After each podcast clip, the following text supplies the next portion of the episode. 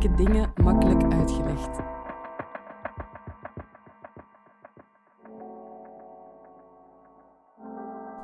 Dit is de podcast van Moeilijke Dingen Makkelijk Uitgelegd. Wie de wereld wil verbeteren, moet wel begrijpen hoe die werkt. Daarom laten we in Moeilijke Dingen Makkelijk Uitgelegd een expert 10 minuten aan het woord om een complex onderwerp uit te leggen. Deze keer legt Vilsan Osman uit wat ecofeminisme is. Uh, wat is ecofeminisme? Uh, dat is een vraag die ik heel vaak krijg sinds de publicatie van het essay vorig jaar.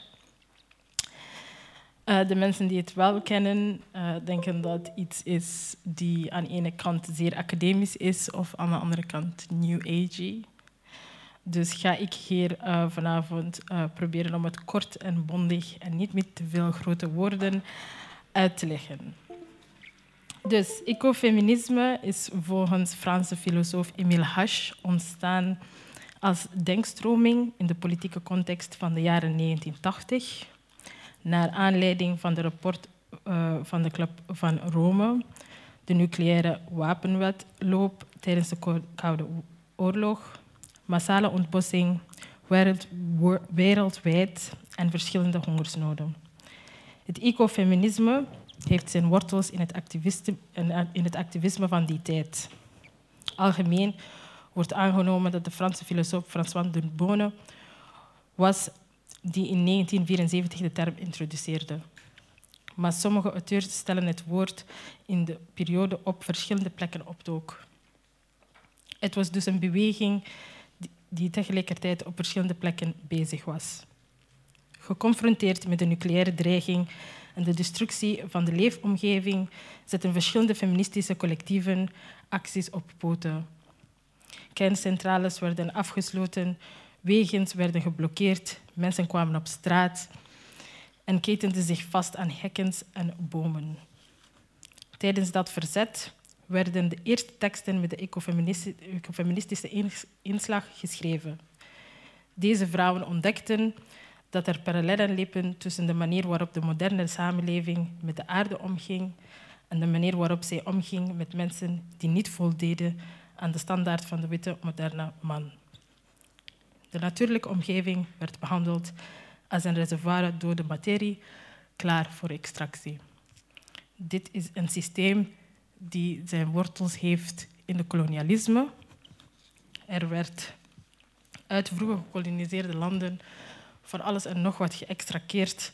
Cultuur, land, natuurlijke bronnen. Vroeger rubber, vandaag, allez, tenminste in, in het geval van België, vandaag de dag stoffen die nodig zijn om je gsm's en je laptops te doen draaien.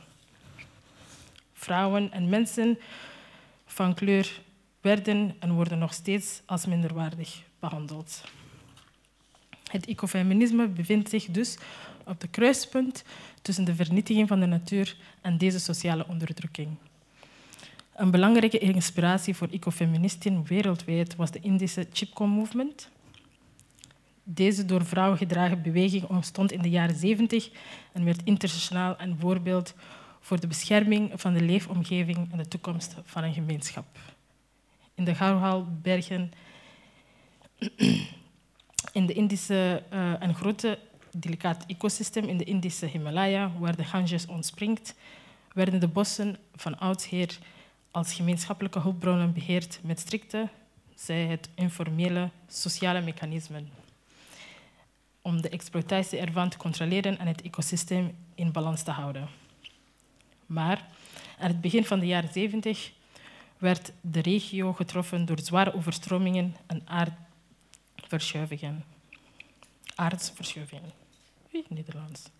De oorzaak hiervan was de massale ontbossing hogerop en de vervanging van de oorspronkelijke loofgewas door winstgevende denen voor commerciële exploitatie. Waarom is dit belangrijk? Wel, bodem het, het loofwoud speelde een centrale rol in de, in bewaren van de boven- en de waterstabiliteit bij hevige regenval. De vervanging ervan door winstgevende denen was dus schadend voor het gebied. De eerste Chipco-actie ontstond spontaan in april 1973. Hun tactiek was heel simpel en bestond erin zich over het water te verspreiden en zich vast te binden aan de bomen, zodat ze niet omgehaald konden worden. In het Hindi betekent chipko letterlijk plakken. En het is dan ook deze term die geweldloos verzet, die in India meer dan 300 jaar teruggaat, dat de term boomknuffelaar zijn oorsprong kent.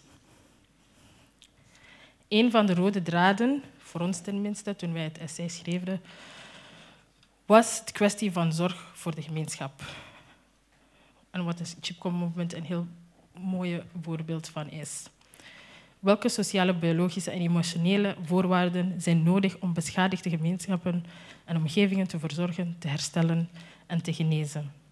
Een zorgethiek focust op de onlosmakelijke verbondenheid die er bestaat tussen de menselijke en niet-menselijke natuur en op een affectief engagement met de wereld rondom ons. Een ander belangrijk thema voor ons onder het ecofeminisme was het concept van intersectionaliteit of kruispuntdenken. Het helpt ons blik verbreden en aandacht te hebben voor andere identiteiten en ervaringen met respect voor verschil. Bijvoorbeeld, als het feminisme opkomt, als feminisme opkomt voor vrouwenrechten en gelijkheid tussen de seksen, dan is intersectioneel feminisme het inzicht in hoe de overlopende identiteiten van vrouwen, waaronder ras, klas, etniciteit en seksuele geaardheid, van invloed zijn op de manier waarop zij onderdrukking en discriminatie ervaren. De meeste definities van intersectionaliteit stoppen hier. Maar dat wordt de belangrijkste reden. Maar dan wordt de belangrijkste reden waarom Kimberly Crenshaw de term bedacht heeft vergeten. Intersectionaliteit gaat niet alleen over de verschillende overlappende identiteiten van iemand, maar ook over hoe deze identiteiten integreren met de bestaande structuren. In de context van vanavond is de vraag: welke impact heeft klimaatverandering op mensen die deel uitmaken van een gemarginaliseerde groep? Een intersectioneel lens laat ons toe de narratieven van de dominante cultuur over verschillende onderwerpen, in dit geval de klimaatcrisis en de oplossingen die wij hiervoor bedenken, te decentreren. Hiermee bedoel ik dat wij ruimte maken voor invalshoeken en perspectieven die tot nu toe zelden aan bod kwamen, maar die cruciaal zijn voor de problematieken te analyseren en op te lossen. Hier vinden wij intersectionaal denken hier vinden het intersectionaal denken en de ideeën van ecologische rechtvaardigheid elkaar. Het maakt een rechtvaardige benadering van een probleem zoals het nu zich voordoet mogelijk. Een veelzijdige kader dat nodig is om vele kwalen en van de klimaatverandering op de juiste manier aan te pakken, vereist oplossingen voor ons allemaal en niet voor alleen voor de happy few. Om dit te kunnen doen is het noodzakelijk te begrijpen hoe onze veel identiteiten in wisselwerking staan met de bestaande structuren.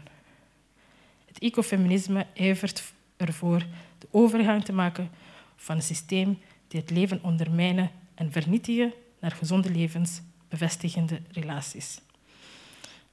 We moeten evolueren naar een nieuwe betovering van de wereld, waarbij wij de plaats van de mens daarin heroriënteren. We hebben nood aan een nieuwe logica een logica die elke persoon beschouwt als onderdeel van een web van relaties. Die individueel welbevinden verbindt met het floreren van het andere. En waarbij rekening gehouden wordt met het belang van de gezonde relaties en context. Het ecofeminisme is in de eerste plaats een politieke denkkader.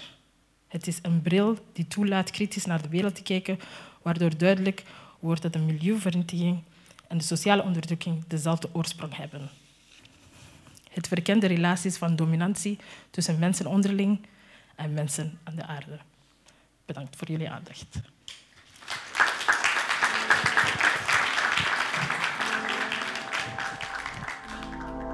Je luisterde naar Moeilijke Dingen Makkelijk Uitgelegd. Mijn naam is Selma Fransen en dit evenement organiseerde ik samen met Curieus, De Buren en Mo. Montage Jelena Schmitz.